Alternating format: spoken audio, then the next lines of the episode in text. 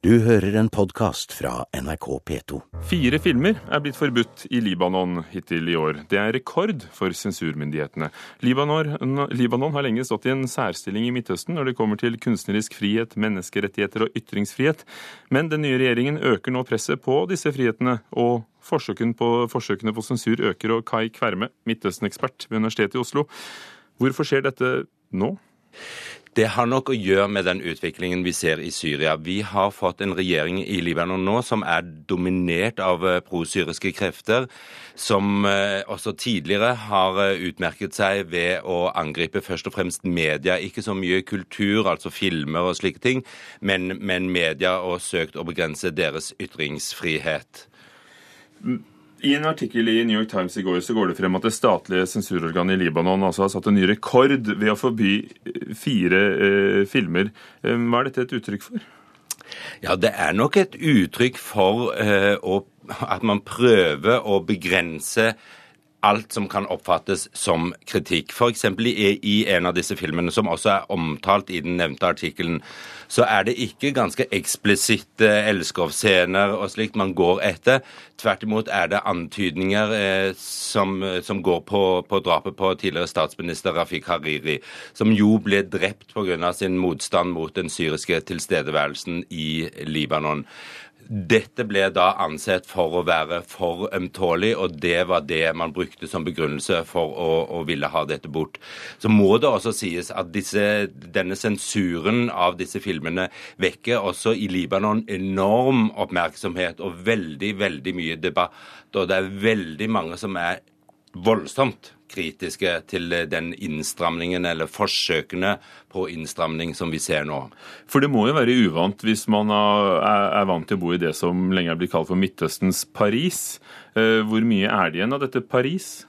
Ja, det er uvant. Ikke bare er det uvant, men for folk er det også et angrep på en av kjerneverdiene i Libanon, nemlig retten til fritt å kunne ytre seg. Så Derfor blir dette ikke tatt nådig opp.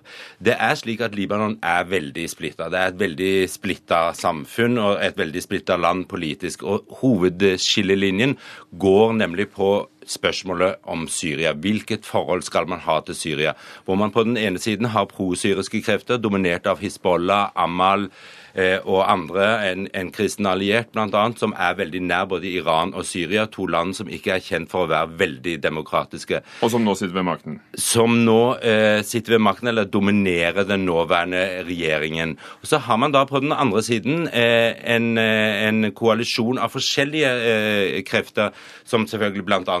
støtta av det ikke veldig demokratiske Saudi-Arabia, men av demokratier som Frankrike, som USA, som, som Vest-Europa. og definerer seg selv i forhold til det. Denne siden eh, føler seg veldig under angrep fra den nåværende regjeringen. Men eh, Kai Kverme, du, du, var der jo for et par uker siden. Merker du noe til dette? Ja, det, man merker jo helt klart noe til dette her. Altså, Bare mens jeg var der, så ble flere TV-stasjoner og eh, aviser angrepet. Eh, en TV-stasjon ble angrepet av eh, brannbomber pga. et intervju denne TV-stasjonen da hadde brakt med en veldig, veldig antisyrisk og anti-Hizbollah-prest. Eh, altså en, en muslimsk, sunni-muslimsk prest. Dette førte da til at den ble angrepet. En annen avis ble, ble skutt på. Journalister ble skutt på langs grensen til Syria. Dette er helt klart en veldig forverring av situasjonen for journalister og kulturarbeidere i Libanon.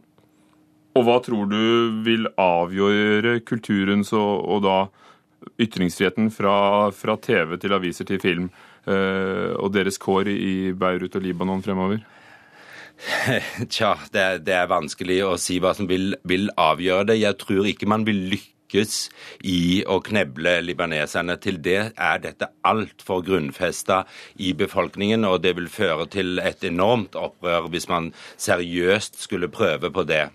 Kai Kverme, Midtøsten-ekspert ved Universitetet i Oslo, takk for at du kom. Kjenner du Nancy Ajram? Ja, spill mer av henne. Hvordan er hun? Hun er popdronningen eh, over alle i Libanon. Enormt populær i Libanon og i resten av Midtøsten. Det er ordentlig suppepop, men eh, det svinger. Du har hørt en podkast fra NRK P2.